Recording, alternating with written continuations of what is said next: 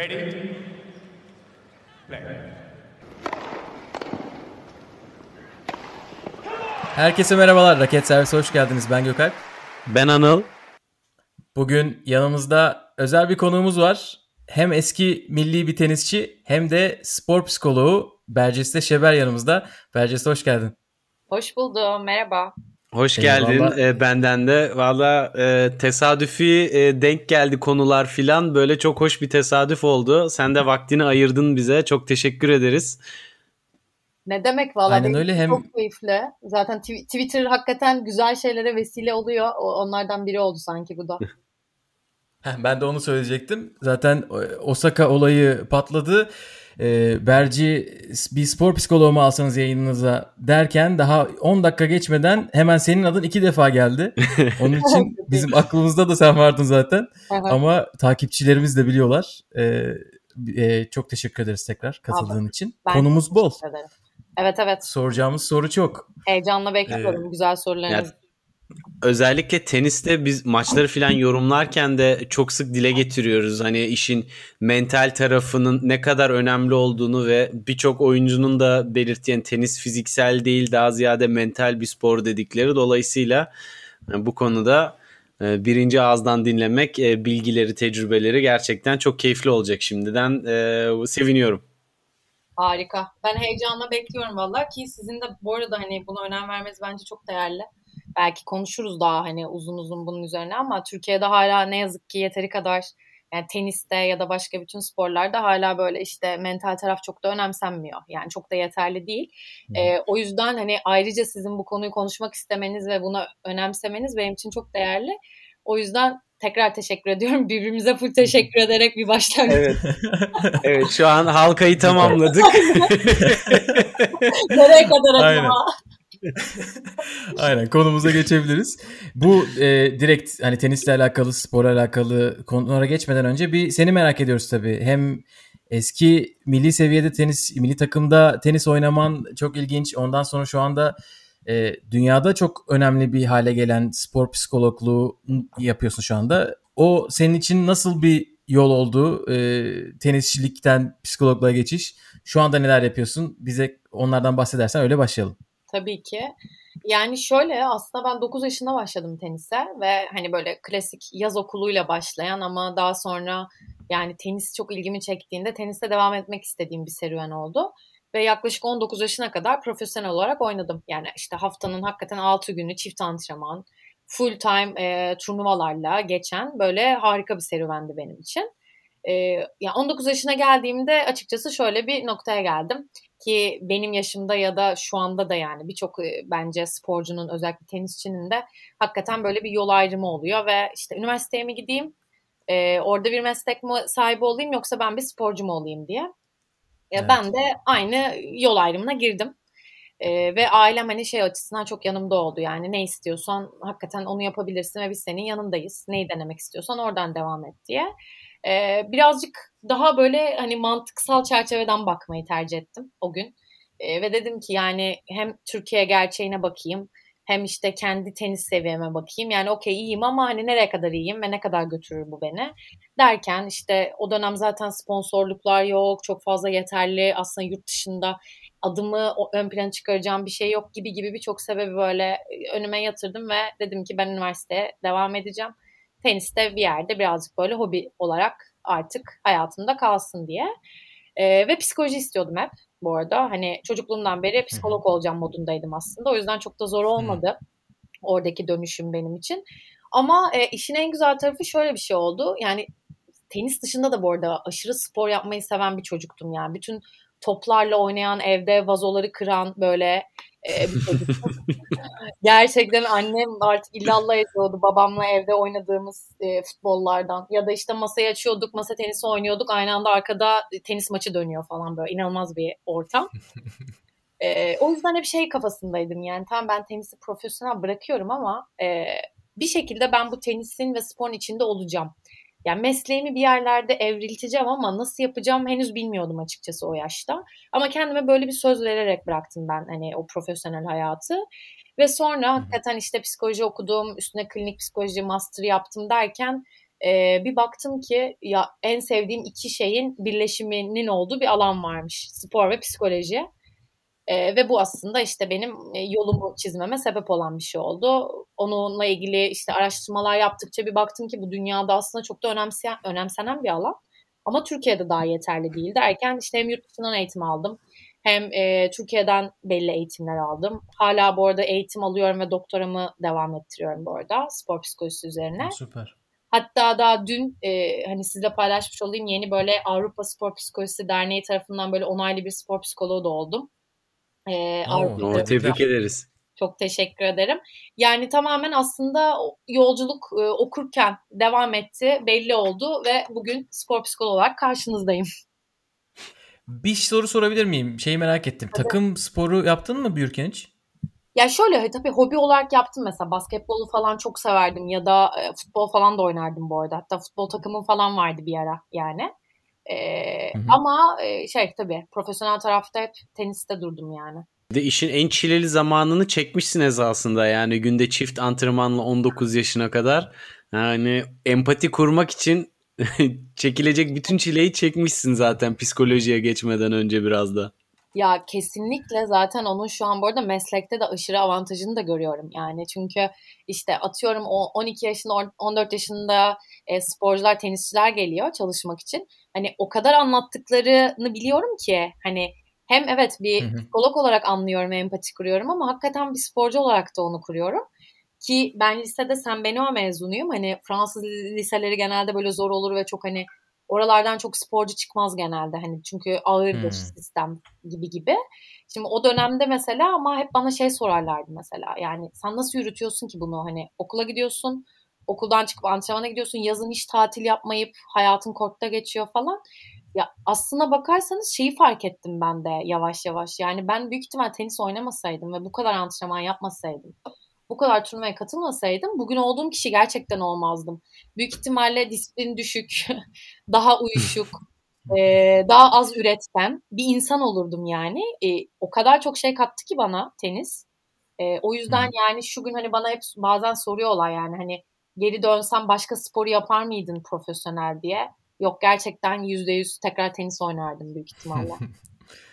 Biz tenisi neden seviyoruz diye bir yayın yapmıştık. Şu son söylediğin bir dakikayı ben oraya ekleyebilirim o bölüme. onu, onun sonuna ekleyip tekrar bir Director's Cut olarak yayınlayabiliriz. Bir de bu son Avrupa'daki e, hani o derneğe katıldığını söylediğin an böyle bir Grand Slam şeyinde oyuncu locasında hayal ettim. Ah, e, spor psikologları e, revaçta.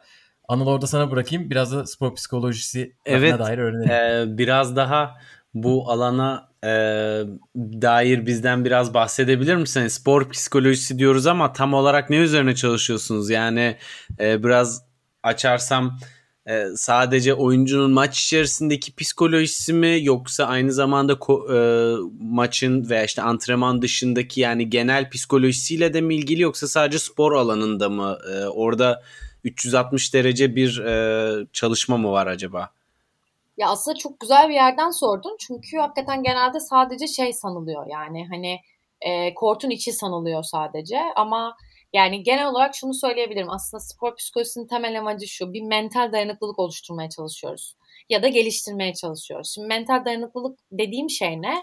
Aslında birçok kavramla eşleşen bir şey. Yani işte sağlam benlik yapısının olması, psikolojik olarak esnekliğin olması, işte yüksek konsantrasyon becerisinin olması, işte stresle etkili biçimde baş edebilme gibi gibi birçok mental becerinin aslında bir oluşumundan bahsediyorum mental dayanıklılık derken. E, ve biz bunları nasıl yapıyoruz? Sporcularla birlikte belli mental stratejileri çalışıyoruz aslında. Yani hatta hepimiz işte ne bileyim Djokovic'ten, e, Nadal'dan ya da Federer'den, işte Serena Williams'tan hepsinden şeyi duymuşuzdur yani işte zihinde canlandırmalar, nefes egzersizleri, bir şekilde içsel evet. konuşmalar gibi. Yani aslında çalıştığımız yöntemler içerisinde bu mental stratejiler var ve biz bunu ne yapıyoruz? Aslında kort dışında bunları çalışıp kort içine adapte etmeye çalışıyoruz. Yani çünkü hani tenis sonuçta hakikaten gerçekten e, çok kritik anları barındıran bir spor. Yani çok uzun bir dayan çok uzun sürebiliyor, çok büyük bir dayanıklılık gerekiyor, çok büyük bir istikrar gerekiyor ve bu istikrar sadece fiziksel değil, mental olarak da gerekiyor. E, o yüzden aslında o mental dayanıklılığı geliştirdikçe, becerileri geliştirdikçe sporcuların tenisçilerin her puanda aynı şekilde kalmasını sağlamaya çalışıyoruz aslında. Ama bunu şunu da söyleyeceğim. Tabii ki sadece kort içi için değil, kort dışını da kapsayan bir taraf. Yani şöyle söyleyebilirim. Ben sporcuyla mesela sadece sporcuyla çalışmıyorum. Ben sporcunun antrenörüyle de çalışıyorum yeri geldiğinde. Sporcunun ailesiyle de çalışıyorum. Sporcunun fizyoterapisti varsa onunla da çalışıyorum. Neden? Çünkü aslında bir ekip var ortada ve sporcuya temas eden birileri var. Yani şöyle düşünün.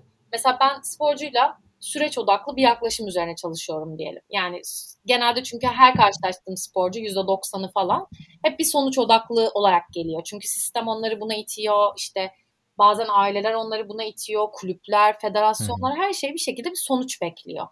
Ve sporcularla çalışırken en zaten zorlandığımız taraf onların o sonuca dair olan hep bir odaklanmaları oluyor. Ve ben süreç odaklı bir yaklaşımı savunurken daha çok hmm. yönelimli bir tarafı savunurken antrenörü gelip mesela diyor ki ya sen işte bu maçı da kazanamadın zaten bir sonraki maçı da kazanacaksın. Bu aralar hiçbir şey yapamıyorsun. Şimdi ben istediğim kadar sporcuyla çalışayım. yani istediğim kadar sporcuya mental beceri öğreteyim. İstediğim kadar stratejileri uygulayalım. Günün sonunda çevresinde ve en yakınındaki insan yani ailesi kadar vakit geçirdiği insan ona bu cümleleri sarf ediyorsa zaten her şey yarım kalacak. O yüzden bu evet. o kadar ekip işi ki yani o yüzden zaten hep şeyi birazcık ben de bas bas bağırarak söylemeye çalışıyorum. Yani bu sadece sporcu değil yanında bizim antrenörleri, aileleri de eğitiyor olmamız gerekiyor. Onların nasıl bir iletişim kuracağını, onların nasıl bir hedef belirleme ilkelerini benimseyeceğini, nasıl bir süreçte o kalacaklarını aslında çalışıyor olmam gerekiyor. Şimdi bunun dışında ya. ha, pardon. Sen ya, yok yok devam et pardon.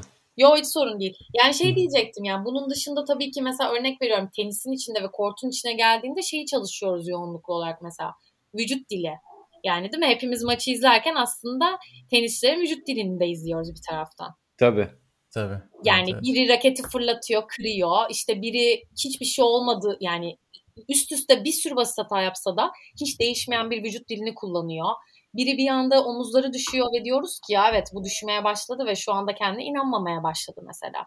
Yani evet. o vücut dilini aslında üzerine çalışmak ya da ben şeye benzetiyorum mesela tenis aslında bir böyle bir zaman çizelgesi gibi bir yer. Yani geçmiş şu anda geleceğin ta kendisi tenis. Çünkü maçın içinde bir önceki puanlar ve hata yaptığın puanlar var.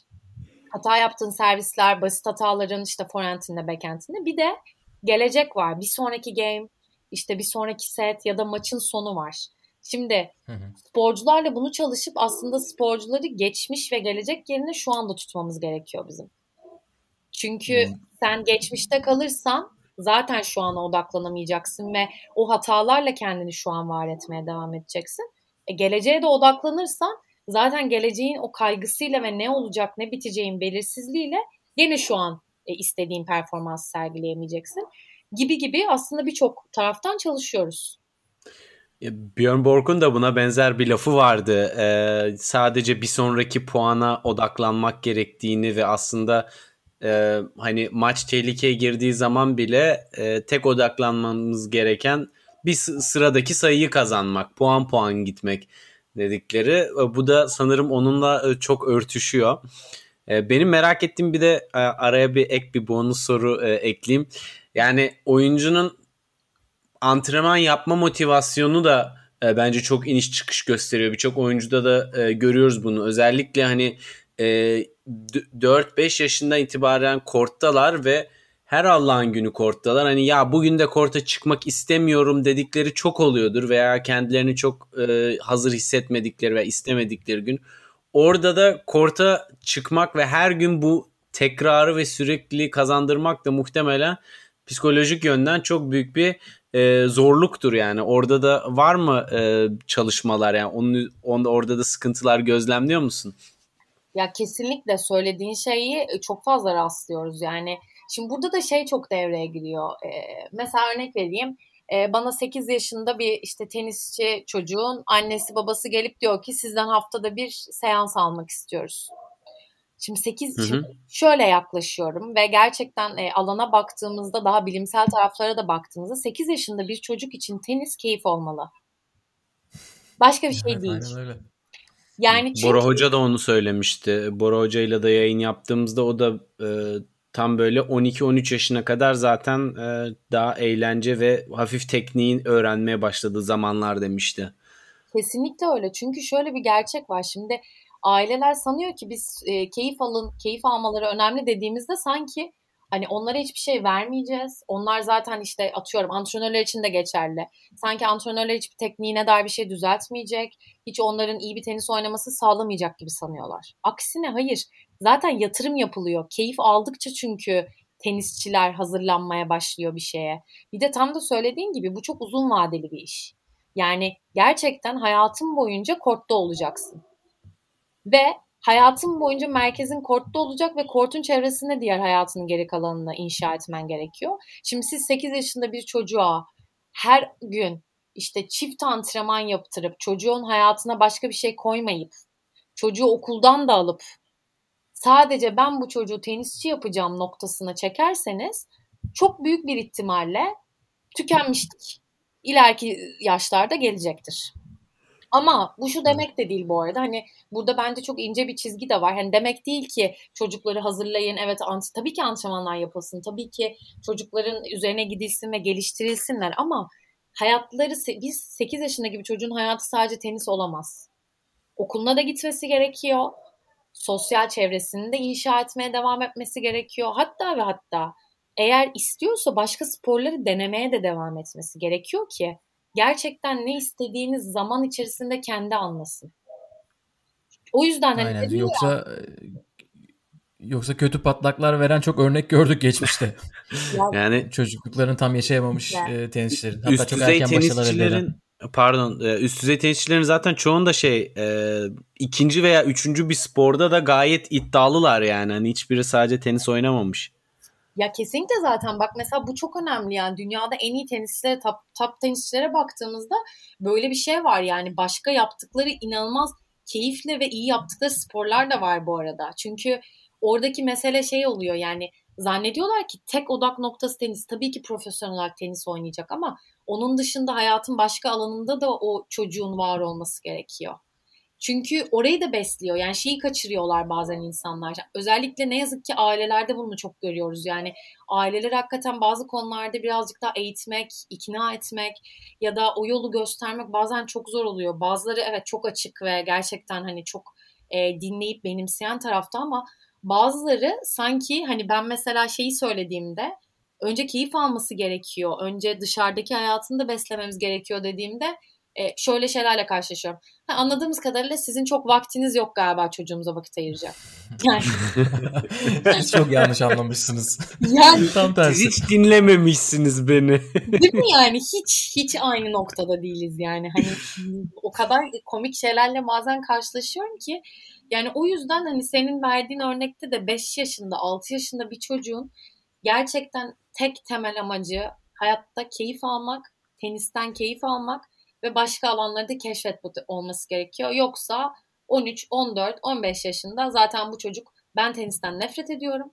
Bir daha tenis ne topu alacağım ne de raketi elime alacağım dediği noktaya geliyor ki gerçekten bununla da çok karşılaştım. O zaman biraz e, geneli konuştuk. E, özele biraz daha inebiliriz. Hani kademe kademe sporcularla alakalı soruları sormak istiyoruz ama sporcular özeline girmeden önce bir Türkiye'ye gelelim. Hatta sen vücut dilini anlatırken e, benim aklıma Türkiye'nin bir sürü sporu geldi. Sadece tenis bile değil. Şimdi Euro 2020'deki hezimetten yeni çıktık.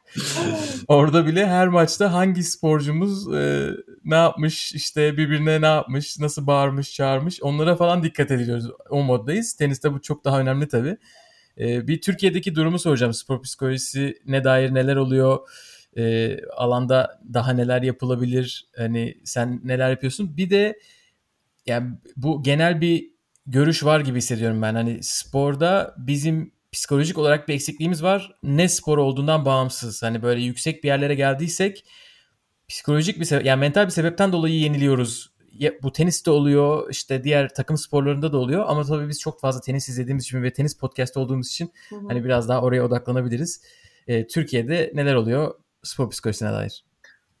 Ya evet dediğin gibi hakikaten e, öyle bir şey var yani. E, bir gerçek var diyeyim. Düşünce değil de gerçek var diyebilirim. Yani şimdi şöyle spor psikolojisi tabii son belki de 5 senede bu arada Türkiye'de çok daha iyi noktalara geldi. Yani çok daha gelişmeye başladı. Yani belki bundan 5 sene önce ne spor psikolojisi mi ne alaka falan denilen bir şeyken bugün artık böyle şeyi görüyorsunuz yoğunluklu olarak artık. İşte altyapılar özellikle işte önem vermeye başlıyorlar. Çünkü şöyle bir durum olmaya başladı bir fark yaratmamız gerekiyor. Şimdi bir fark yaratmak için de en e, şeyde gözüken, en dipte gözüken ve en keşfedilmemiş alan ne? Spor psikolojisi. O zaman hadi farkı oradan yaratalım diye de geliyorlar bazen. Onu da söyleyeyim. Hmm. Yani çünkü teniste şey var. Gerçekten çok büyük bir yarış var. Yani sadece e, çocukların değil, e, aynı zamanda ailelerin, antrenörlerin de yarıştığı bir yer var. Ve bu noktada herkes böyle fark yaratma peşinde. Bir şey yapalım farklı olsun gözüksün bu falan gibi böyle çok farklı noktalar var. Ama tabii ki sadece bu da yok. Yani çok bilinçli aileler çok bilinçli antrenörler ya da sporcular da var ama e, ben gittikçe tabii ki daha iyi bir noktaya geldiğini düşünüyorum. E, ama tabii günün sonunda gene de şöyle bir şeyle karşılaşıyoruz. E, bir sihirli değneğimiz varmış gibi. E, bir yaklaşımla karşılaşabiliyorum. Yani e, bir tenisçiyle çalışırken mesela sanıyor ki iki hafta sonra turnuvası var diyelim ve bana turn iki hafta işte ilk kez başlıyor bana ve bana diyor ki iki hafta sonra turnuvam var. Ve iki hafta sonraki turnuvaya onu inanılmaz bir şekilde mental olarak hazır e, sokmamı bekliyor. Şimdi yani spor psikolojisi böyle bir şey değil. Yani mental dayanıklılık böyle bir şey değil. Hatta hani şunu söylüyorum her zaman. Biz ne kadar fiziksel olarak sonuçta o forenti, backhand'i, voleyi, servise oturtmak için ne kadar fiziksel olarak belli bir zaman harcayıp emek harcıyorlarsa, ne kadar bir istikrar gerekiyorsa mental taraf da böyle bir şey. O yüzden mesela Tabii. en en zor en çok karşılaştığım ve beni meslekte hakikaten en belki de zorlayan şeylerden biri o sihirli değnek mevzusu oluyor. Yani çok bekliyorlar hmm. bu sihirli değnek. Sabırsızlık. Ya inanılmaz. Ve şey oluyor. E, mesela e, turnuvaya gidiyor bir tane. Olmayınca aile arayıp şey diyor. E, bir şey olmamış ama hani yapmamışsınız bir şey. ama bu bizim zaman... genel olarak şeyimiz değil mi? Huyumuz değil mi? Zaten her şeyi böyle kısa yoldan e, bekliyoruz. Kısa yoldan para kazanmak, e, işte kısa yoldan başarı. E, her şey böyle veya parasını vereyim sonucu gelsin. Hani ben bir şey katmayayım. Spor salonuna yazılayım ama gitmeden spor salonuna zayıflayayım filan hani bilmiyorum bunlar hep böyle bana çok benzer geliyor açıkçası. Evet değil mi? Hep aynı gerçekten yere. Tam da bu böyle ve tam da aslında yani e, şey noktasına bağlanıyor. Türkiye'de neden spor anlamında bir yerlerde eksik kalıyoruz ve bir bariyer yaşıyoruz. O kadar sonuç odaklıyız ki yani o kadar fazla sonuca dair bir bakış açısı var ki gerçekten süreç odaklı olmak birçok sporcu için çok zor. Yani Evet o sürece güvenin lafı Instagram post olarak kalıyor galiba. Gerçekten öyle Biraz. kalıyor. Yani o böyle birçok değil mi? Yani şey olarak yazıyor birçok sporcu da kendine ama Tabii. hani o gerçekten orada bir yerde sıkışıp kalıyor. Yani tabii burada şöyle bir şey de var bu arada. Spor psikolojisine şey diye de bakılıyor. Yani e, sadece bir problem olduğunda gidilmesi gereken bir yer olarak bakılıyor. Hmm. Şimdi orada da belki bunun altını çizmek önemli. Şimdi evet bir konsantrasyon bozukluğu varsa bir tenisçinin ya da işte tenisçilerde en çok neyi görüyoruz? Antrenman ve maç performansının çok tutarsız olması. Yani tamamen aslında hmm. kaygının getirdiği şeylerden biri. Ya da işte tam da bahsettiğin örnek gibi işte antrenmanlarla ilgili bir motivasyon düşüklüğü gibi hakikaten bir problem olduğunda spor psikolojisinden faydalanılması gerekiyor. Ama Türkiye'de şöyle bir bakış açısı daha yoğun sadece problem olduğunda faydalanılmalı. Hani şey bakış açısı vardı ya hmm. sporu bir dışarı bırakın bir insanın psikoloğa gitmesi için sorunlu olması gerekiyor. Bakış açısı var ya. Yani hala evet. yazık ki var. O, o bence bu arada sadece Türkiye özgü bir bakış açısı değil yani. Ben burada da çok görüyorum e, psikoloğa gitmenin e, böyle aa bunda bir sıkıntı var e, gibi. Hani ne bileyim böyle senede iki kere göz doktoruna muayeneye gidersin kontrol amaçlı. Kimse demez yani bunun gözü bozuk mu acaba diye. Ama e, psikoloğa gidersen birkaç seans Aa, bunda bir sıkıntı var oluyor hemen. Yani tedbiren bir şey yapmak veya kendini mental olarak geliştirmek için bir şey yapmak çok daha böyle alışıla gelmiş bir e, yaşam biçimi değil gibi. Yo çok doğru söylüyorsun aynen zaten hani dünyaca belki de bunun mücadelesini hala veriyoruz yani o mental sağlık konusunda. E, Türkiye'de de hakikaten yansımalarını e, çok fazla görüyoruz bunun ve bir noktada şeyi fark etmek çok önemli. Tam da dediğin aslında önleyici de çalışılan bir alan bu. Yani hani o mental sağlığın bir diğer tarafına geçtiğimde spor psikolojisinden de bahsettiğimde spor psikolojisi aslında gelişim odaklı da bir alan. Çünkü şu çok net bir şekilde görülüyor yani bir sporcu eğer hiçbir mental beceri bilmiyorsa, hiçbir mental strateji kullanmıyorsa ama performansı gayet istediği gibi ise ona şunu çok net söyleyebiliriz. Sen hala kendi maksimumunu keşfetmemişsin diyebiliriz. Çünkü bu iş zaten aslına baktığımızda evet performansın iyi olabilir ama spor psikolojisiyle birlikte ve bu alanından faydalanıp o mental antrenmanları yaptıkça aslında sporcular kendi sınırlarını keşfetmeye başlıyorlar ve aşmaya başlıyorlar onu. Ama işte o kadar problem odaklı bakılıyor ki bazen. Ya problem yoksa gitmeyeyim ne gerek var? Zaten işte kondisyonere gidiyor. Masajı ne oluyor atıyorum. Ee, zaten antrenmanını alıyor. Neden? Bunların hepsi somut. Somut bir çıktısı var. Evet.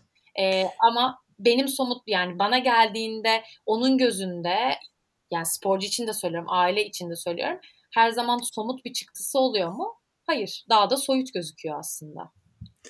Ya bir de şey filan da hani e, çok görüyoruz. Özellikle genç oyuncularda böyle büyük bir arenaya çıktıkları zaman servis önde seti kapatmak için servis atı kullanacak. Eli titriyor. E, kendi servisini kırdırıyor. Dağılıyor. Heyecan yapıyor. Onu mesela 3 sene sonra yapmıyor kortta o hataları yapa yapa kay, kaybede kaybede öğrendiği için ama belki de e, hani bunun antrenmanını da yapsa sadece forehand, backhand, e, servis vesaire çalışmak yerine bu kritik anlarda soğukkanlı kalmayı da e, çalışsa belki de o ilk maçta 5-3 öndeyken e, servisi akacak ve e, kapatacak seti. Yani sonra diyorlar ya tecrübe farkıyla aldı diye. Herhalde o tecrübe denilen şey de e, işin mental yönündeki ağırlık çok çok daha yüksek. Tam da dediğin gibi ve, ve tam da onu çalışıyoruz aslında kort içinde çalıştığımızda bu arada. Hatta şöyle söyleyeyim hani en yaygın olan mental stratejilerden birine zihinde canlandırma. Mesela genelde şey olarak biliniyor zihinde canlandırma. En iyi, en güzel performansını sergilediğini hayal ettiğin bir zihinde canlandırma yap işte en iyi servisleri attığın, işte vücut dilinin çok iyi olduğu, her şeyin senin kontrolünde olduğu gibi. Okey bu da tabii ki de önemli ama en çok aslında sporcuların, tenisçilerin çalışması gereken zihinde canlandırma şu. Hangi konularda zorlanıyorsa ve neler onu en çok kaygıya aslında itiyorsa ya da başka zorlantı hani zorlandığı duygulara itiyorsa tenisçilerin bunu zihninde canlandırıp bununla mücadele etmeye başlaması gerekiyor. Tam da söylediğin gibi yani hani işte ne bileyim 3. sette tiebreak oynarken elinin titrediğini bilen bir tenisçinin tam olarak zihninde 3. set tiebreak oynadığını zihninde canlandırması gerekiyor ki evet. buna adapte olsun ve yavaş yavaş ne yapacağını da biliyor olsun.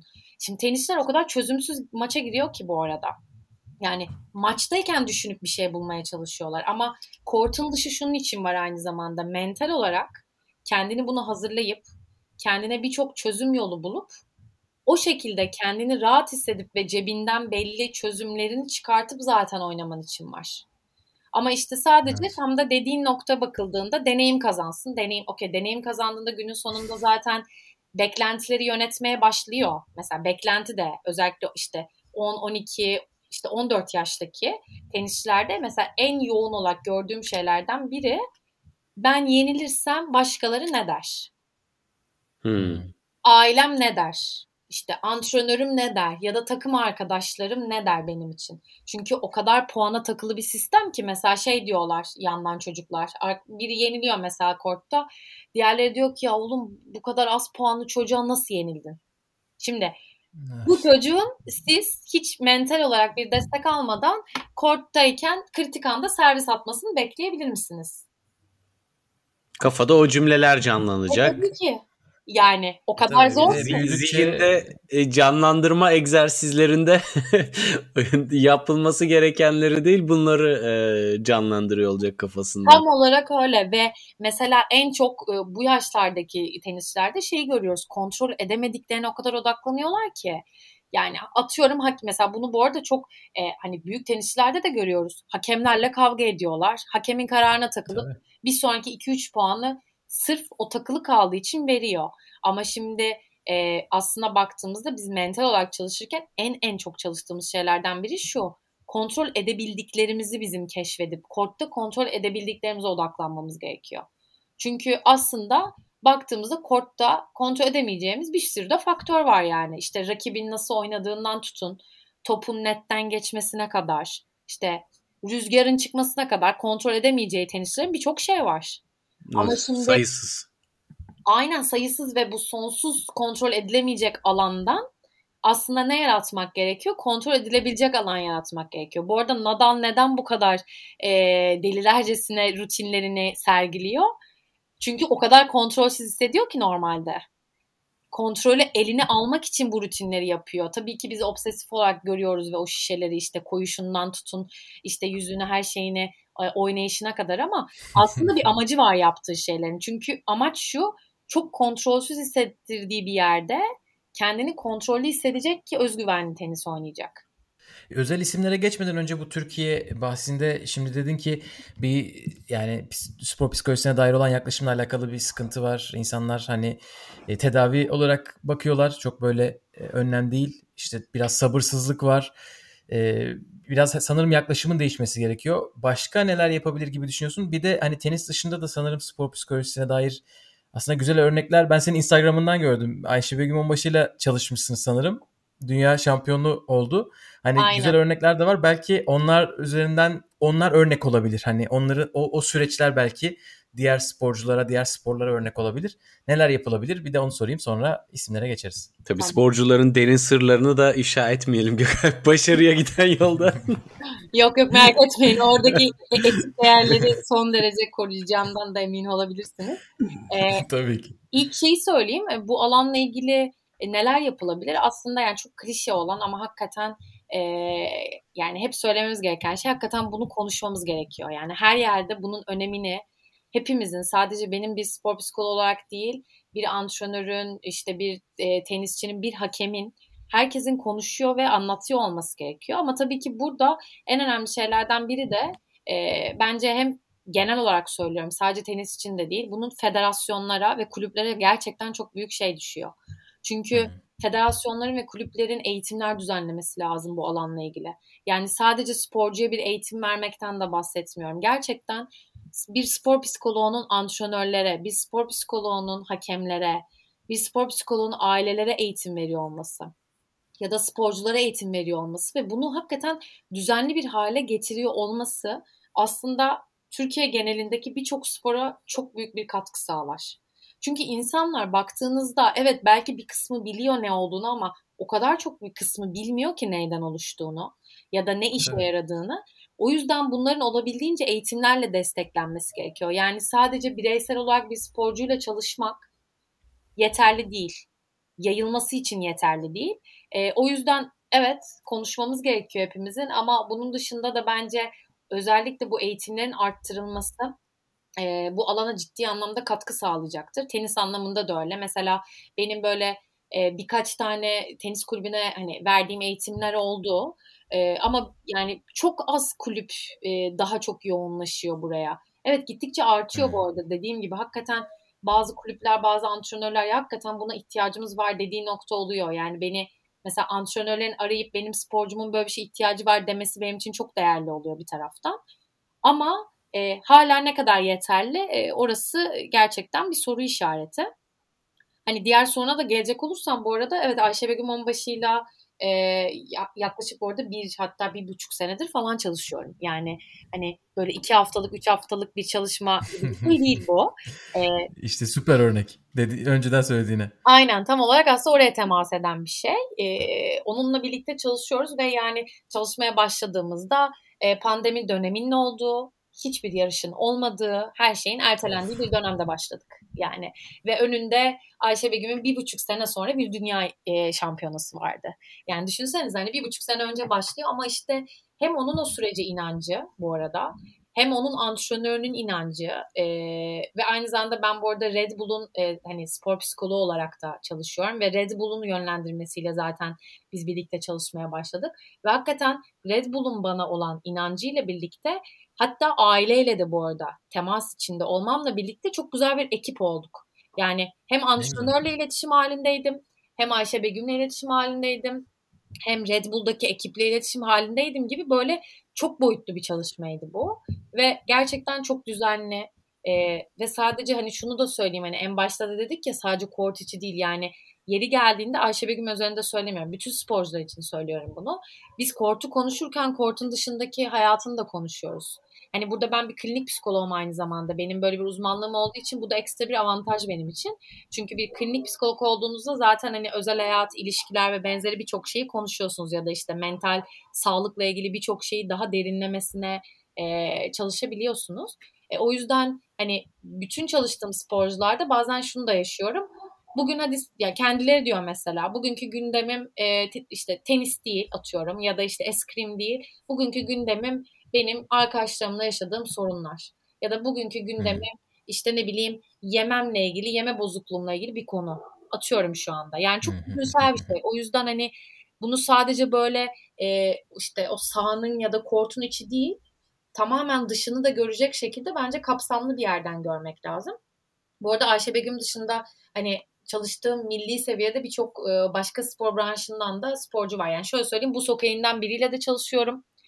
Ee, Süper. hatta yani o buz hokeyine çalışmaya başlarken hiçbir fikrim yokken onun sayesinde sporu öğrendim. Mesela bana da böyle katkıları oluyor. Bu da benim için çok anlamlı bir taraftan.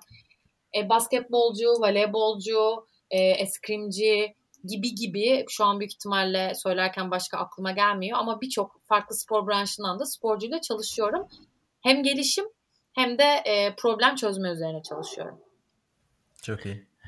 O zaman e, konuyu bizi bir araya getiren e, isme bağlayacak olursak onun da e, anladığım kadarıyla kısa bir süredir değil daha uzun bir süredir zaten e, bu yönde bir çalışması varmış. Yani e, o da esasında genel bir süreçten geçiyor Naomi Osaka. E, sen bu konuyu okuduğunda, gördüğünde neler ilk e, tepkilerden neler e, hissettin ve Hani o ilk cümlelerinden ben açıkçası çok bir şey anlamamıştım.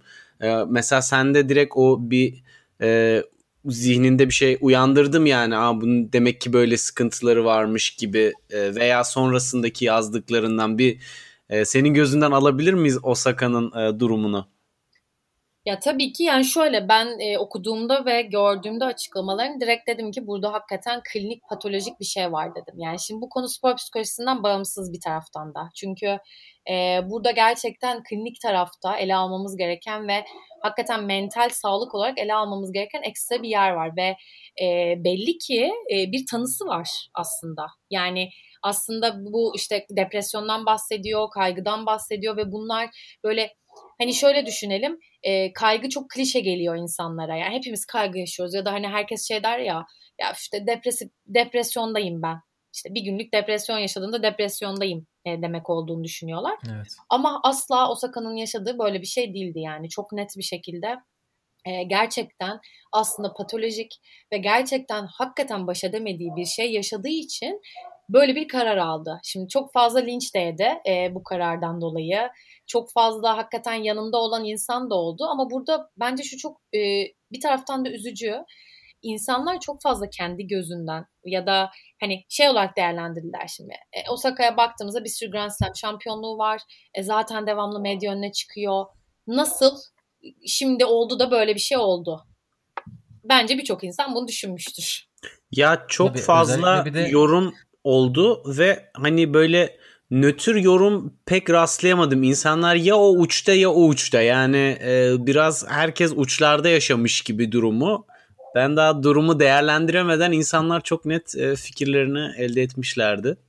Roland Garros'tan önce olması işte toprak kortla alakalı üzerinde ekstra bir baskı var Osaka'nın tabii. Hı hı. Ee, hani neden şimdi yani madem iki senedir böyle bir sıkıntı var neden şimdi söyledin gibi böyle yani istediği zaman söyler bir kez. Hani bir, bir de gerçekten canının en sıkıldığı an bu an olabilir. O artık bir dakika sizle konuşmak istemiyorum demiş de olabilir. Bir de öyle bir tarafı oldu. Zaten sen hani kazanıyorken iyiydi. Şimdi geldin bize bunları diyorsun diye. E, bazıları üstüne alındılar. Neden alındıklarını biz de anlayamadık.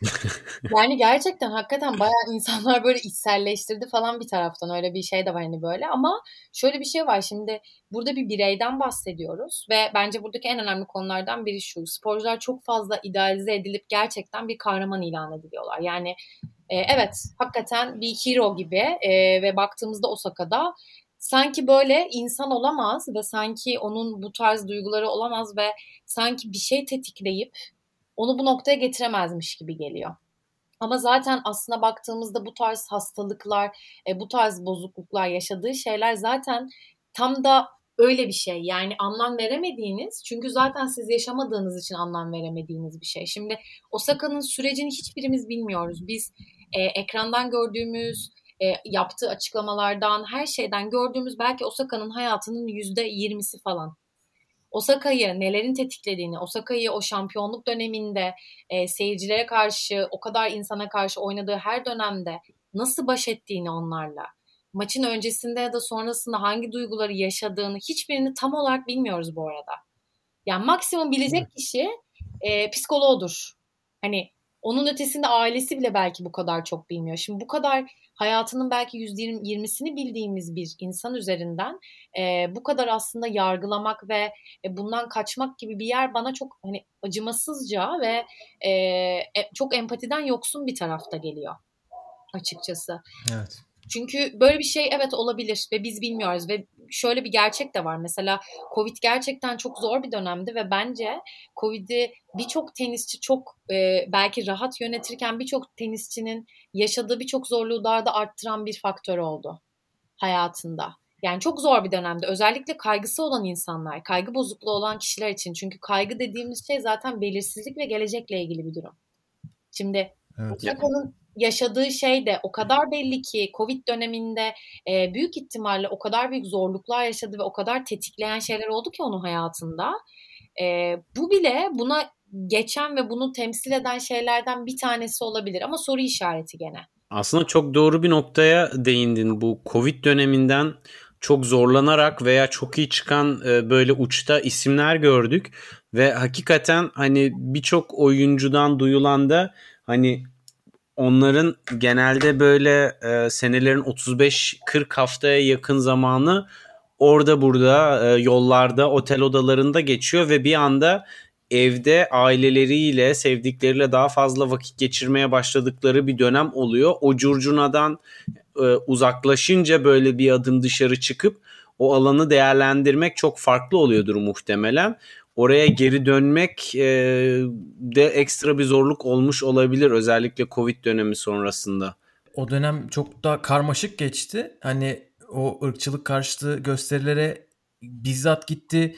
Sonra geldi Cincinnati'de kendi başına çok büyük bir karar verdi. Maça çıkmayacağım dedi. Yani bunlar böyle iç, iç, nispeten içine kapanık, utan, sürekli utangaç olduğunu söyleyen, insan içinde nasıl davranacağını bilmediğini kendisi söyleyen senelerdir. Bir insan için acayip konfor alanının dışında hareketler. Sonra gitti Amerika açığın bütün maçlarını o e, polis zulmünden dolayı ölen ya da yaralanan insanların isminin maskeleriyle yaptı, çıktı maçlara. Ya böyle zaten kendini inanılmaz bir yere zorladı, çıkardı gibi o o süreçte belki onlar da birikmiş olabilir tabii bilmiyoruz ama yani evet. e, o anlamda da çok değişik bir dönem geçirdi. Ya kesinlikle bu dediğiniz hepsi olmuş olabilir. Yani hepsini hakikaten bir hipotez olarak da verebiliyoruz ama şöyle bir gerçek de var. Mesela e, evet o konfor alanından çıktığını görüyoruz. Çok büyük işler yaptığını, çok ön planda olduğunu görüyoruz. Ama mesela şu anda kendine bakışı hiç de bu noktadan olmayabilir. Zaten genelde mental evet. sağlıkla ilgili sorunu olan insanlarda dışarıya gözüktüğüyle içeride gözüktüğünde de büyük farklılıklar görüyor olabiliriz. Yani burada zaten tutarsızlığın görünüyor olması ya da bir yerlerde soru işaretlerimizin olması da bir taraftan bu konunun özelinde anlaşılır. Çünkü belli ki zaten çok büyük bir hani hatta bence bu kadar e, işte aktivist tarafı bu kadar ses çıkaran tarafı e, onu çok yormuş da olabilir mental olarak gerçekten. Bir taraftan çünkü inandığı şeyler var ve yani şöyle düşünelim mesela mental sağlığın ne kadar önemli olduğunu inanıyor ama mental sağlıkla ilgili bir şeyler değişmedikçe e, Osaka'nın kaygı seviyesiyle atıyorum benim kaygı seviyem arasında çok büyük bir fark olabilir. Ben kontrol edemediğim şeyle daha rahat kalan bir insan olabilirim ama Osaka'nın tek gündemi bu hale gelmiş de olabilir.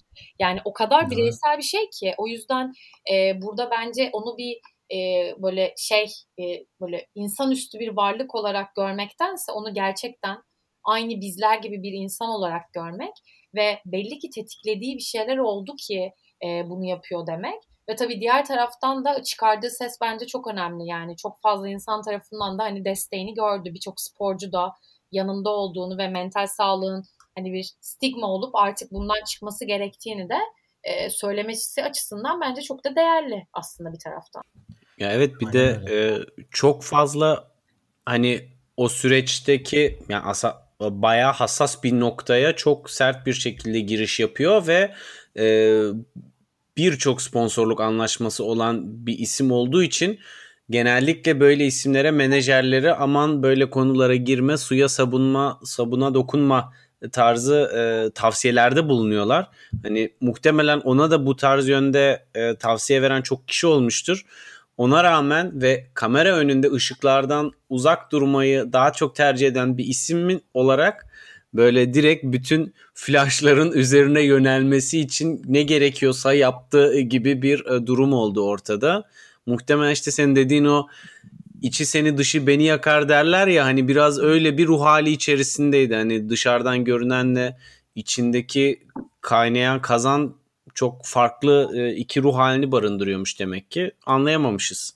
Kesinlikle yani biz onu dışarıdan çok güçlü e, görürken o içeriden kendisinin yani bizim nasıl gördüğümüz değil onun kendini nasıl gördüğü en önemlisi. Ve o zaten orada bu sorunu yaşıyor. Biz hepimiz onu güçlü görüyoruz ve evet hepimiz onun harika bir tenisçi olduğunu belki görüyoruz ya da birçok şeyle baş etti nasıl olabilir diyoruz ama e, bunu bizim söylememiz onun hayatında yeterli değil yani başkası figürü yeterli değil. E, kaygı da böyle bir şey zaten yani hani o yüzden e, bir noktada baktığımızda hani birçok bu arada sadece spor tarafında da bakmayalım yani dünyada farklı e, meslek dalında birçok büyük insanın birçok hani en yüksek seviyede gördüğümüz insanın mental olarak çok büyük sıkıntılar yaşadığını görebiliyoruz. Hani diyoruz ki herkes tarafından seviliyor, aşırı güçlü gözüküyor, mükemmel gözüküyor ama mesela depresyona girmiş. E neden? Çünkü o da bir insan ve e, bu hakkı var yani hani o onu bize sorarak girmiyorlar bu insanlar ve eminim ki Osaka'da zaten bunu yaşamak istememiştir. yani bu onun elinde olmayan ve onun kontrolünde olmayan bir şey. Hani o yüzden o açıdan bakmak tabii hani orada bu arada şey kısımları da sıkıntı yani işte organizasyonun daha sonra işte verilen tepkiler oradan e, ne kadar yani önemsendi bu hani Osaka bunun üzerine konuşup farklılık fark yaratmak istiyor ama bugünden sonra bir şey değişir mi? E, oraları da hakikaten böyle e, ne yazık ki bir soru işareti yani. E, bu sıradaki isme geçmeden önce şimdi az önce Osaka'yı anlatırken sen şey dedin ya e, insanüstü görmemek lazım. Hani onlar da insan tam bu buna benzer e, şeyde söylemiştin. Ben Niko ile yaptığınız Buzda programını izledim YouTube'da. Önerelim buradan takipçilerimize de. Ah, e, Serena bölümünde ona benzer bir şey söylemiştin. Aklıma o geldi. E, Valla izledim. Böyle aktı gidiyor programlar çok iyi. 20-25 dakikalık. Serena Nadal izleyeyim dedim. Sonra bir baktım Lance Armstrong'u bitirmek üzereyim. Onun için buradan tavsiyesini de verelim. Aa, çok sevindim ya. Süper. Ama orada gerçekten çok uç örnekler vardı. Yani mesela e, Serena'nın babasının onlara ırkçılıkla ilgili gösterdiği e, hani mental egzersizler çocukluktan beri bunlar tabii biraz da sert egzersizler ama insanı hayata hazırlıyor gibi. Ya evet orada çok büyük sertlikler de vardı bu arada yani e, onunla belki de başka tenisçiler baş edemeye de bilirdi. Hatta çok farklı da tepebilirdi. Hatta yani orada da çok savunduğumu zaten bilerek söylemedim. E, ama mesela babalarının hakikaten yani daha yumuşatarak ve daha farklı yerden yaklaşsaydı belki daha güzel olurdu tabii ki ama o kadar şey bir bakış açısı varmış ki yani gelişim odaklı hani e, tenisi kendi kendine öğrenip onları antrenmanda daha küçük yaşta bütün özellikle zor durumlara bırakarak baş ettirmeye çalışması yani bence inanılmaz yani adam kendiliğinden e, onları mental olarak güçlenmek için hazırlamış. Evet bu sene filmi çıkacak. Heyecanla bekliyoruz. Will Smith nasıl bir performans gösterecek Richard Williams olarak. Artık böyle her podcast'te Richard Williams'ın adını anmaya başladık. Heyecanla bekliyoruz. Bakalım nasıl film olacak. Aynen. Ee, biraz şeye geçelim. Şimdi mental sağlığı Osaka gündeme getirdi. Geçen senenin sonlarında çok genç yaşta Grand Slam kazanan Iga Świątek Darya Abramovic ile beraber böyle bir zafer turuna çıktı ve spor psikologlarını şey yaptı yani böyle masanın ortasına oturttu. Hani takımda bakın benim antrenörüm var, fizyon var ve spor psikoloğum var dedi. Biz orada bayağı bir onu konuştuk. Hani bu kız gerçekten inanılmaz bir turnuva geçirdi. En büyük farkı diğer isimlerden o yanında gördüğümüz isim. Hani bunun e, herhalde etkisini görme, göreceğiz gibi hissediyorum ben. En azından yeni gelen nesilde belki şu anki ekip eğer çalışıyorlarsa daha fazla dillendirecekler. Hani psikologlarla çalıştıklarını. E, bu aralarındaki ilişkiyi nasıl değerlendiriyorsun? Hala çok iyi bir şekilde devam ediyorlar gibi gözüküyor. Ya gerçekten hani ikisinin ilişkisini böyle aşırı büyük bir keyifle en başından beri takip ediyorum. Çünkü bence bu hakikaten bizim alan için inanılmaz değerli aslında tam da hani ne yapılabilir bu alanla dedik ya işte tam da ses çıkartmak ve bununla ilgili konuşmak çok önemli. Çünkü işte bu tarz büyük tenisçilerin yani mesela Iga'nın hakikaten o şey tavrı çok güzel yani. Normalde hatta meslekte en en karşılaştığımız şeylerden biri de şu olur. E, şimdi bunu konuşurken aklıma geldi. Mesela şunu çok yaşıyorum bazen. E, tenisçi diyelim milli takıma girdi. İşte ekibin içinde antrenörü var, kulübü var. İşte ben varım normalde e, falan. Bir giriyor milli takıma. E, Instagram'da post paylaşıyor. Herkes tagleniyor. Ben yokum mesela. Hayda. Yani ben şeyim. Hayda. Mesela ya aslında bu çok bilinç altında şeyi gösteriyor. Ee, yani sen o süreçte yardım ettin ama şimdi oradaki tabii şeyi öğrenme anlamak lazım. Hani ya evet ben kendi kendime yaptım ve mental olarak bir destek almadan yaptım ve bu beni güçlü gösterir. Mesela bu bakış açısı da olabilir. Yani hmm. orada şey oluyor. Tenisçiler gelip ya da sporcular gelip hakikaten sizden yardım istiyor ve gerçekten çözmem gerekiyor diye geliyor. Sonra hep birlikte bir sonuca ulaşıyorsunuz ama günün sonunda siz neredesiniz soru işareti. Evet. Peki şey de olabilir mi bir düşünce e, yapısı da hani e, bir psikologla çalışmak çok alışıldık bir şey olmadığı için özellikle genç yaştaki insanların oradaki algıdan e, yanlış intiba uyandırması açısından çekiniyorlar e, gibi bir şey olabilir mi? Yani bugün hani kendi arkadaş çevremizde de psikolojik e, yönden hani e, gelişim için değil özellikle hani daha çok sorun yaşayan ve bunun için psikoloğa giden insanlarda biraz daha e, ketum bir yaklaşım var. Hani nezle oldum doktora gittim derken kimse iki kere düşünmez yani ama e, öyle de bir fark olabiliyor bazen gibi ortada. Kesinlikle tam da zaten bence en büyük sebeplerden biri de bu. Yani e, çevreye göstermek istemiyorlar, bunun çok bilinmesini istemiyorlar ya da kendi kendilerine bunu çözdüklerini e, aslında şey yapmak istiyorlar. İşte tam da bir stigma burada var ama bence Iga ve hani hakikaten Daria'nın buradaki ilişkisiyle birlikte ve Iga'nın hakikaten ben bir spor psikoloğuyla çalışıyorum ve o benim ekibimin bir parçası ve bu çok önemli demesi mesela çok değerli bir şey. Çünkü burada herhangi çekindiği bir şey yok ve gerçeği yansıtan bir bakış açısı. Şimdi baktığımızda normalde e, hani bütün yani tenisçilere baktığımızda evet birçok tenisçi hakikaten mental olarak bir destek alıyor. Yani dünya geneline baktığımda söylüyorum. Ya da mental olarak bir destek almasa da atıyorum meditasyon yapıyorlar, yoga yapıyorlar ama kendilerini bir yerden beslemeye çalışıyorlar. Ama çok fazla şeyi görmedik yani bu ikisinin ilişkisine kadar. Birlikte seyahat eden ve turda birlikte olan e, bir sporcu ve spor psikoloğuna evet. rastlamadık. Şimdi bu o kadar değerli ki aslında bu ne kadar e, sporcunun ve sporcunun ekibinin e, işte sporcunun bu arada hatta bildiğim kadarıyla yani Daria ile böyle sponsorlar falan önce konuşup iletişim kurmuşlar. Yani bir arada olduğu hmm. aslında İGA'nın ekip o kadar önemli ki sponsorundan tutalım e, antrenörüne fizyoterapisine kadar. Herkes spor psikolojisinin ne kadar önemli olduğunu farkında olan bir ekip. Ve e, baktığımızda e, Daria'nın aslında bu takımdaki rolü o kadar büyük ki herkesle bir temas halinde. Hani en başta size söyledim ya ben gidip sadece sporla çalışmıyorum diye. Tam olarak yaptığı şeylerden tabii ki de en e, merkezinde olan kişi Iga ama Iga ile yaptığı mental antrenmanlar, e, onunla geçirdiği vakit, tabii ki işte ona öğrettiği mental beceriler, stratejiler ya da yenilikleri uygulamak tabii ki onlar en önemli parçaları ama baya baya aynı zamanda antrenörle de e, gerekli şeyleri çalışıyor ve iletişim halinde. Yeri geldiğinde aileyle de, yeri geldiğinde sponsorla da. Yani Daria'nın orada iletişim açısından da çok büyük bir rolü var. Iga'nın ihtiyaçlarını analiz edip o ihtiyaçlara yönelik neler yapılabilir ve nasıl onun çevresi daha iyi düzenlenebiliri bile aslında şu anda Daria e, birazcık daha yönetiyor. Ve ekip içerisinde hakikaten e, en en önemli şeylerden biri bence şu çok ciddi bir güven ilişkisi var.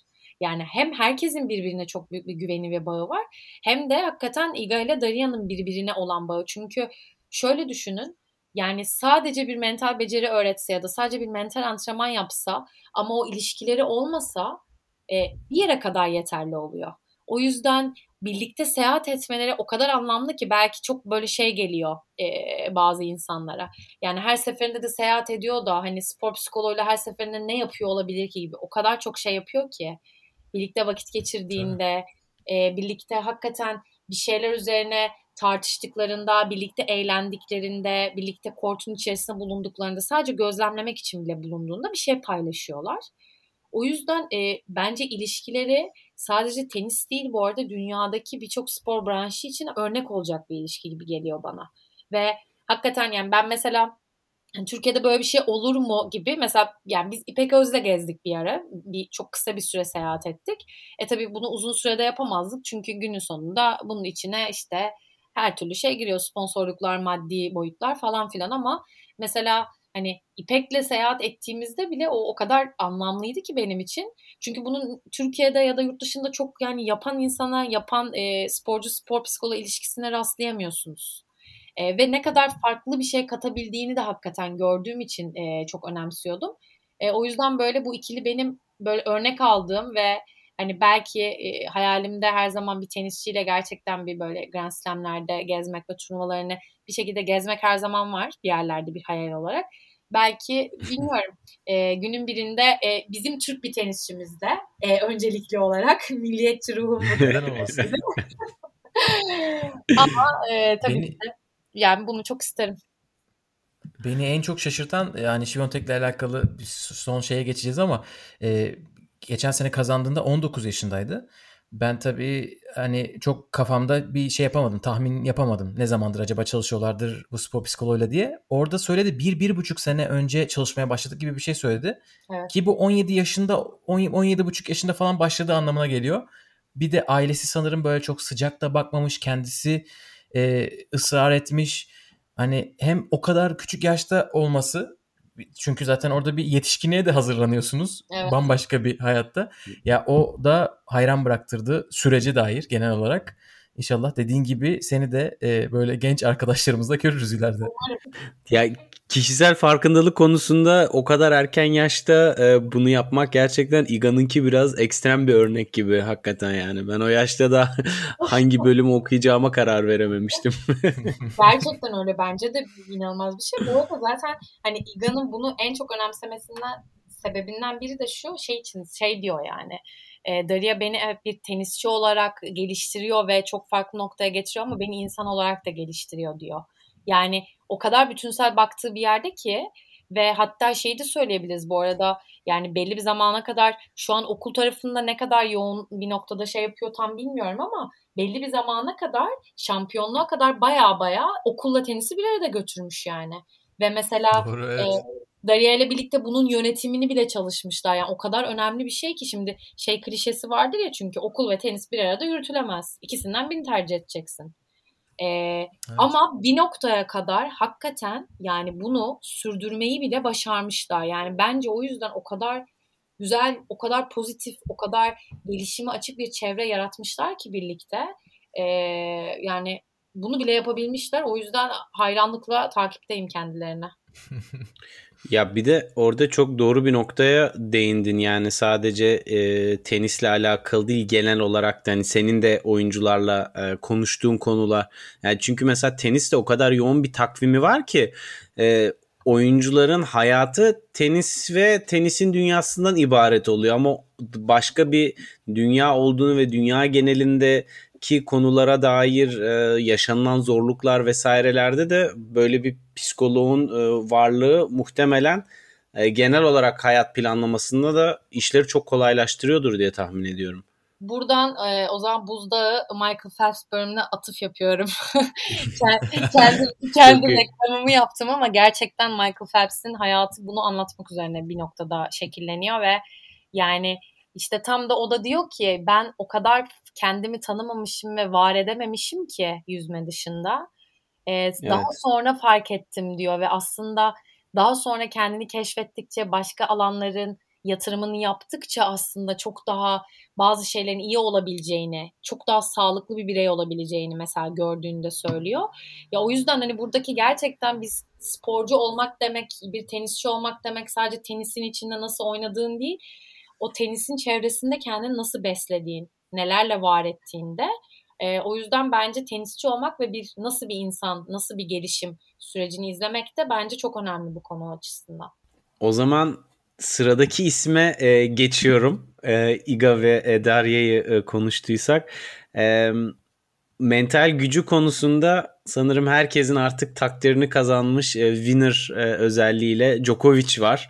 Yani e, benim hala e, atlatamadığım o 8-7-40-15'te 2 sene önce e, Federer'in e, 21. Grand Slam'ını almasının önüne geçtiği puanlar var ki hani ben mesela o iki sayıyı izlediğim zaman ya bu puanları Djokovic dışında alabilecek başka bir isim yoktur diye dedim. Yani bu, bu nasıl oluyor?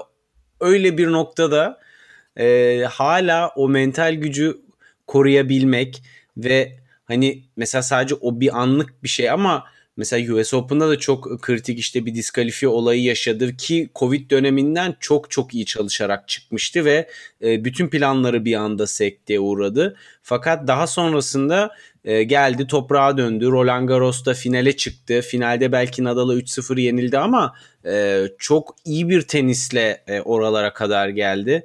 Yani böyle kariyerinde de çok fazla sıkıntısı vardı işte başta gluten alerjisiydi, ilerleyememesi insanların kortta düşüp bayılmasıyla artık Federer'e kadar e, insanların e, dalga geçmesi gibi konular vardı. Buradan böyle bir mental güç nasıl oluşuyor, nasıl çıkıyor gerçekten? Yani Djokovic de ayrı bir vaka gibi. Onun hakkında ne düşünüyorsun? Ya kesinlikle ben hakikaten artık yani son zaten finali izlediğimde e, yani e, bir spor psikoloğu olarak dedim ki yani bunun açıklamasını tam olarak nasıl yaparım acaba'yı böyle bir kendime böyle bir sordum çünkü. Biz de tam da o yüzden. Bana Seni ters köşe yapmak için. tam da o yüzden değil mi? Yani gerçekten çok bambaşka bir şey var ama e, ya bu tabii ki de hani hep söylüyoruz bu bir anda asla olan bir şey değil ama o kadar kendini e, kendine bu alanda yatırım yapan biri ki gerçekten meditasyon mesela Djokovic'in hayatının olmazsa olmazı bir şey. Ve Djokovic gerçekten kendini ciddi anlamda mental stratejileri besleyerek buraya gelmiş biri. Ve ben sadece mesela bunu psikolojik tarafa da bağlamıyorum. Beslenme tarzından tutalım. Ee, çalışma yöntemlerine kadar bence Djokovic kendini çok bütünsel olarak bugün için var etmeye çalışmış bir tenisçi. Yani buna o kadar bütünsel olarak yatırım yapmış biri ki beslenmeyi de apayrı önemsiyor, mentali de apayrı önemsiyor, atıyorum fizyoterapiyi de apayrı önemsiyor. Yani e, bir taraftan mesela şunu da çok açık söyleyeyim, e, gıcık olduğum tarafları da var. Ki klasik böyle bir böyle bir Djokovic'i haterları vardı. Hater değilim ama böyle hani bir şey antipatik hareketleri olduğu ya da işte korttaki bazen duruşunu sevmediğim anlar oluyor yani. E, ama gerçekten inanılmaz bir saygı. Şimdi şöyle bir durumu var bence Djokovic'in. Genelde şöyle bir tenisçilerde şey vardır yani üst üste hata yaptığında e, bir tenisçi örnek veriyorum kendiyle pozitif konuşmaya başlar ve Yani hadi yapabilirsin ne kendini çekebilir. Şimdi bu yapılabilecek bir şey oluyor ve evet zor olsa da genelde tenisçilerin yapabildiğini. Ama genelde şurada tenisçiler çökmeye başlıyor. İşte üst üste üç kere basit hata yaptı. Ee, sonra kendini toparlamaya çalıştı diyelim. İşte diğer puanı aldı ama sonra ikinci kendi toparlamaya başladıktan sonraki ikinci puanı basit hatayla kaybettiğinde tekrar kendiyle negatif konuşmaya başlar. Djokovic'te şöyle bir şey var. Kesinlikle kendini bir noktada ben kendimi pozitife çekeceğim ve ben pozitifte kalacağım dedikten sonra üst üste iki tane ya da üç tane basit hata yapsa da Djokovic şunu biliyor. Ben kendimi çok net zaten iyi noktaya çekebilirim. Zaten onu bence en büyük tenisçi yapan mentallerden biri o üst üste basit hata yaptıktan sonraki konuşmasını daimi bir şekilde sürdürmek ve Djokovic her zaman bir şey bekliyor. Yani bir kritik kırılma anı bekliyor. Djokovic yani çünkü baktığımızda bugüne kadarki kariyerinde bir kırılma anı yakaladığında kopup gidiyor zaten.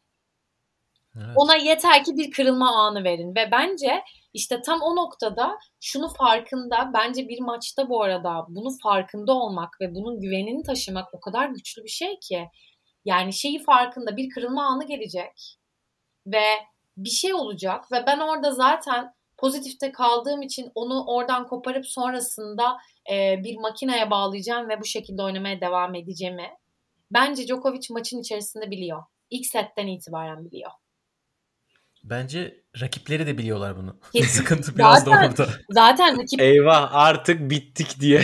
yani düşünsene. ne zaman gelecek bu adam? Karşı. Yani onlar için de çok zor bu arada. Şey, çok, çok kez yaptı çünkü bunu artık evet. yani e, o yüzden. Yani ben mesela bir anekdot duydum bu e, Djokovic'in mental e, gücüyle alakalı. Maça maçta sıkıntıya düştüğü zaman özellikle bir tuvalet molası alırken e, çorabından iç çamaşırına bütün kıyafetini baştan sona değiştiriyormuş sıfırdan ve bunu yaparken ki amacı tamam ben şu anda reset attım ve yeni bir e, o hataları yapan Djokovic gitti artık mükemmel oynayan Djokovic geldi diye kendinde böyle bir dönüşümün ritüeli varmış yani böyle garip şeyler de yapıyormuş. Evet evet zaten şeyi hani maçta da en son finalde falan da hani full bütün şortunu, tişörtünü her şeyini değiştirip geliyor ya. İşte çok evet. bir simge aslında yani. Çünkü yeniden başlamak. Çünkü sonuçta 2-0 gerideyken bir tenisçinin sanki kendisi 2-0 öndeymiş gibi bir vücut diliyle oynaması e, bambaşka. Yani Djokovic şeyi yapıyor gerçekten. Yani onu bir kenara koyuyor ve hakikaten kenarda bir kutunun içine koyuyor o 2-0'ı ve diyor ki maç şu an senin için yeniden başladı. Ve sen zaten bunu sadece bunu da demiyor ardından öyle bir özgüveni var ki sen zaten bunu önceden yaptın birçok kez ve yine yapabilirsin özgüveni o kadar var ki evet. senin tam da söylediğin kendine aslında yeniden başladığını hem e, somut bir şekilde hem de kendiyle konuşarak hissettirerek bir combo halinde zaten e, müthiş bir insan haline bürünüyor. ya o kadar garip ki işte ben bunu okudum, e, duydum daha doğrusu. Bu pazarda bir benim de bir turnuva maçım vardı. İlk sette 5-2 gerideydim. Hani bütün üstüm başımı değiştirmedim ama saç bandımı işte terli olanı e, çantama koyup yenisini taktım. 5-2'den e, seti çevirdim, maçı aldım, bitirdim. e, filan dedim. Yani bildiğim halde bunun sadece psikolojik bir şey olduğunu e, yine de onu yapıp deneyince işe yaraması böyle e, bunun ne kadar önemli bir şey olduğunu e, kendine inanmanın e, bir kez daha e, kendim de fark ettim. Ya Djokovic'te kesinlikle o var herhalde yani kendine çok fazla inanıyor ve güveniyor. Hani bunu şeyde de görüyorum. E, mesela drop shot deniyor. 3 tane hata yapıyor, 4 tane yapıyor. Sonra bir düzeltiyor onu. Vazgeçmiyor çünkü. Hani o e, özgüven kaybı yaşayıp hemen a stratejimi değiştireyim çalışmıyor bu bugün demiyor. Ve ondan sonra o drop shotlar bir çalışmaya başlıyor akıyor gidiyor. İşte tam aynen yani bu söylediğin gibi çünkü o kadar güveniyor ki o pozitiften vazgeçmiyor yani bir taraftan ve o e, yani o özgüveni ve o yeniden başlamayı zaten her sporcunun, her tenisçinin özellikle kendine mesela bu yöntemleri edinmesi lazım. Atıyorum sende işe yaramış mesela ama e, sallıyorum belki bende işe yaramaz ama bunu denememiz lazım ki işe yarıyor evet. mu yaramıyor muyu keşfedelim birlikte. Yani Djokovic de bunu deneyerek ve yanılarak belli ki görmüş ve hakikaten onun için çok güzel bir zihinde şey eşleştirmesi olmuş. Yani kıyafet eşittir yeniden başlama. Yani bu kimi için örnek veriyorum yeni bir su şişesidir. E, kimisi için bambaşka bir şeydir ama Djokovic bunu tüm kıyafetleriyle yaptığında bunu hissediyorsa bunu yapması müthiş bir şey. Sende de işe yaramasına sevindim bu arada. Saç bandıyla e, çözdük işi çok şükür. Şimdi kulüp üyeleri düşünsün. bir de bunun tersi var. Yani Djokovic'i konuştuk böyle uç bir örnek olarak ama Zvereving diye bir tabir var biliyorsun. E, ve aynı zamanda da son zamanlarda hem Cenevre'de hem de Hale'de Federer'de de gördük bunu. Bir anda kontak kapadı. Ee, bu bu tarz durumlar nasıl oluşuyor? Hani bir anda maçtan komple kopup gidiyor ve buradan nasıl geri dönülüyor? Dönülebiliniyor mu? Hani bu konuda ne düşünüyorsun? Bu arada belki bilmiyor olabilirsin. Ee, Türkiye tenis Twitter'ının ah. bir tabiri Zverev'in. Ee, Sasha Zverev e, bazen bir çift hata yapmaya başlıyor ve maçta 10-15 çift hata gidiyor. Buradan Elif Alper'e de selam söyleyelim sanırım. Sen neden böylesin Zverev diye e, hashtagimiz de var genellikle. Bu artık sen neden böylesine evrildi ve biz hatta raket sersim öyle gündem e, kayıtlarında gariplik yapan ve şu, hafif şuursuzluğa kayan hareketler yapan e, oyuncularına yönelik öyle bir e, sen neden böylesin bölümümüz var artık. Aa yani. öyle mi? Ben de bu evet. arada e, Turnu... şey Google'a Zilere Wink yazmıştım. Bilmiyorum. ben tahmin ettim. Gizlice yazdım sessizce. Henüz bizim camiamızda bakalım global olmadan Zverev inşallah buna son verir. İnşallah değil mi? Aynen.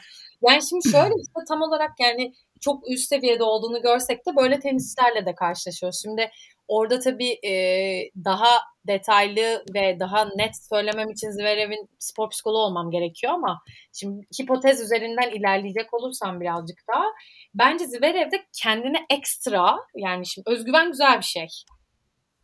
Ama bunun ekstrasındaki bazen özgüven çok da iyi bir şey değil. Şimdi bence bunu geçen bak... yayınımızda konuştuk da ondan kıvırdım. Öyle mi? evet. Şimdi mesela bunun bence ona verdiği çok şey var. Çünkü şöyle bir şey var. E, beklentiler evet yüksek olması güzel bir şey ama bazen beklentileri gerçeklik seviyesinden daha üste taşıdığında ya da kendini böyle çok e, ben her şeyi yaparım noktasına çektiğinde işte tam da bence Zverev'in yaşadığı birçok şeyi görebiliyoruz. Çünkü yapamadıkça kendiyle savaşmaya başlıyor. Ve bence Zverev bayağı maçın içerisinde bazen böyle yani kendinden nefret eden, sen zaten içten ya içsel sesini böyle kendi kendime canlandırsam ya sen zaten yine yapamıyorsun. İşte bu adama karşı nasıl gene işte yenilmeye başlarsın ki gibi full negatif içsel konuşmayla devam edip bunu bir seri halinde bence devam ettiriyor. Oradan zaten negatife geçtiğinizde, hakikaten içsel olarak negatif konuşmaya geçtiğinizde ve bu negatifi fark etmek yerine full bununla devam edip pozitife hiç geçmediğiniz müddetçe ard arda double faultlar, ard arda e, saçma sapan hatalar beraberinde geliyor. Birazcık bana hani Zverev tarafında böyle bir e, şey varmış gibi biraz özgüvenini, biraz kendi olan bakışını e, daha sanki dengelemeye ihtiyacı var gibi ve bir tık daha bence o gelecek odaklı olma tarafı da çok yoğun olabilir. Yani içsel sesinde hep işte kazanman gerekiyor artık bunu. Artık bu senin için işte kritik bir maç tarafını belki çok konuştuğu ve bunu yönetemediği taraf olabilir. Şeyi bilmiyorum mesela hiç bu arada. Hani bir psikologla çalışıyor mu? Bir mental antrenman e, üzerine yoğunlaşmış mı? Mesela hiç onu bilmiyorum. Yani benim anladığım kadarıyla kimseyle çalışmıyor. Bütün antrenörlerini sırayla kovuyordu. yani orada mesela hani senin dediğin şey. yani narsist yani, kokuları e, geliyor kendisinden bayağı. yani senin dediğin o e, işte ben sadece sporcuyla değil e, diğer insanlarla da e, etrafındaki çevresindeki insanların hepsiyle de çalışıyorum ve aralarındaki iletişimde de e, önemli bir rolüm oluyor dediğin noktada benim aklıma zaten direkt Zverev geldi örnek olarak. Evet. Hani diğerlerinin Zverev'le olan iletişimi değil, Zverev'in de diğerleriyle olan iletişimi konusunda onun da eğitime ihtiyacı var gibi bu noktada. Hani e, bayağı sıkıntı çekiyor kendisi birçok yönden. Kesinlikle. Özel hayatına hani kadar da yansıyor da çok magazine e, girmeyelim bu noktada konudan sapmamak adına. yani şimdi aslında şöyle de bir şey var. E, senin dediğin gibi Şimdi bu aslında bir etkileşimden de oluşuyor. Yani nasıl ki işte ben e, antrenörle ya da aileyle sporcu için nasıl onunla iletişim kurması için çalışıyorsam tabii ki de sporcuyla da tam tersi ekibiyle nasıl iletişim kuracak diye çalışacağım. Ama Zverev case'ine baktığımızda şöyle bir durum var. Zverev böyle bir noktadayken, bu bakış açısındayken ve birazcık daha bu narsist tarafları daha yoğunken ekibine büyük bir ihtimalle bir spor psikoloğu almayacağı için ve bir spor psikoloğu almayacağı için de ekibinde hiçbir zaman iletişim becerilerini çok güçlendiremeyeceği için e, bence onun hani bu konuda düzelmesi en azından kısa vadede çok da bana mü- mümkün gibi gelmiyor açıkçası. Yani egosu çok yüksek olduğu için problemi e, inkar edip e, buraya yönelik bir çözüme dahi girişmeyebilir ne oluyor o zaman durum biraz böyle Bence bir kısır evet döngüye öyle. giriyor. E, tamamen kısır döngü gibi evet aynen öyle yani yüzleşmediğin sürece zaten farkında olmadığın ve bunun farklılaştırmak istemediğin sürece çok zor. Ya tabii ki hani belki de çok büyük bir değişim gösterir. Hani narsizm dediğimizde sonuçta hani her insanda bir narsistlik olabilir ama tabii ki onu böyle bir patolojik olarak şey yapmıyoruz, değerlendirmiyoruz ama e, birazcık şey ihtiyacı var yani Zverev'in. Önce bütün bunlardan biraz daha kurtulmak ve birazcık daha e, kortta bu tarz şeyler başına geldiğinde daha çabuk baş edip daha çabuk tekrar ana dönebilmesi için e, birazcık kendine dönüp bir şeyler galiba yolunda gitmiyor ve e, kendime bir dönüp bakmam gerekiyor demesi lazım ama kısa vadede soru işareti. Yani en son kurduğu cümlelerden biri de ben favori gösterilmeyince rahatsız oluyorum Aynen. olduğu için hani evet bende de çok bir umut yok kısa vadede en azından. Ama zaten psikolojik egzersizler uzun bir süreç ve e, farklı elementlerden oluşuyor. Belki bir noktada en azından sorunu kabul etme e, ile başlarsa bilmiyorum. Çok evet, da evet. umutlu değilim açıkçası. Kabul ama. etmeyle başlarsa zaten çok güzel şeyler yapacak da işte o kabul etmek de e, böyle bir şey içinde çok zor gibi ya. Bakalım izleyeceğiz kendisini. Ee, galiba sorularımız bu kadar. Anıl var mı ekleyeceğin? Ee, yok ben de tamamım. Yani sorular açısından çok saçma bir şekilde bağladım ama tamamım ben. Gidebiliriz. tamamsan. ee, bence size çok teşekkür ederiz. Ee, baştaki bir dakikalık teşekkür halkamızı başlatıyorum. Şaka yapıyorum. hayır hayır. Hayır bu sefer gerçekten ee, hem valla çok öğrendiğimiz bir e, yayın oldu benim için özellikle. E, yani kendim için konuşayım e, eğlendim de e, hem böyle oyuncuları konuştuk vaka üzerinden gitmek de hani faydalı oldu. İnşallah böyle ara sıra yayında da söylediğimiz şeyler gerçekleşir. E, hem spor psikolojisi ülkede büyür, bizim ülkemizde büyür hem de seni böyle önemli arenalarda, önemli oyuncuların localarında görürüz diye bitireyim. Tekrar teşekkür edeyim. Evet ben de bu Gökalp'in güzel dileklerine katılıyorum. İnşallah e, başka bir programda yine görüşürüz. Umarım daha böyle Osaka gibi sorunlu taraftan değil de daha olumlu taraftan bir konu olur. Mesela Zverev bütün sıkıntılarını çözer. Onun mesela ayrı bir incelemesini yaparız beraber. Bu arada gerçekten eğer öyle bir şey olursa kesinlikle e, o, o yayını yapmamız gerekir bence. Valla e, dünya batar o biraz zor gibi. zor gibi değil mi? Ya benim için çok keyifliydi gerçekten. E, çok da hakikaten eğlendim. Zaman nasıl geçti onu bile anlamadım yani. E, umarım e, programınıza tam da söylediğimiz gibi böyle bir Grand Slam'de bir sporcum olduğunda o sporcumla birlikte böyle sizin podcast'inize katıldığım, Süper olur. E, hep birlikte böyle sohbet ettiğimiz e, başka bir podcast daha yaparız birlikte. Çok teşekkür Abi, ederim. Ben bunu... bunu söz olarak alıyoruz biz. Not ettik bunu... kayıtlarda var. kayıtlarda var. Unutulmaz. Sonra programımız Aynen. çok yoğun. Şöyleydi böyleydi. Kabul etmeyiz yani.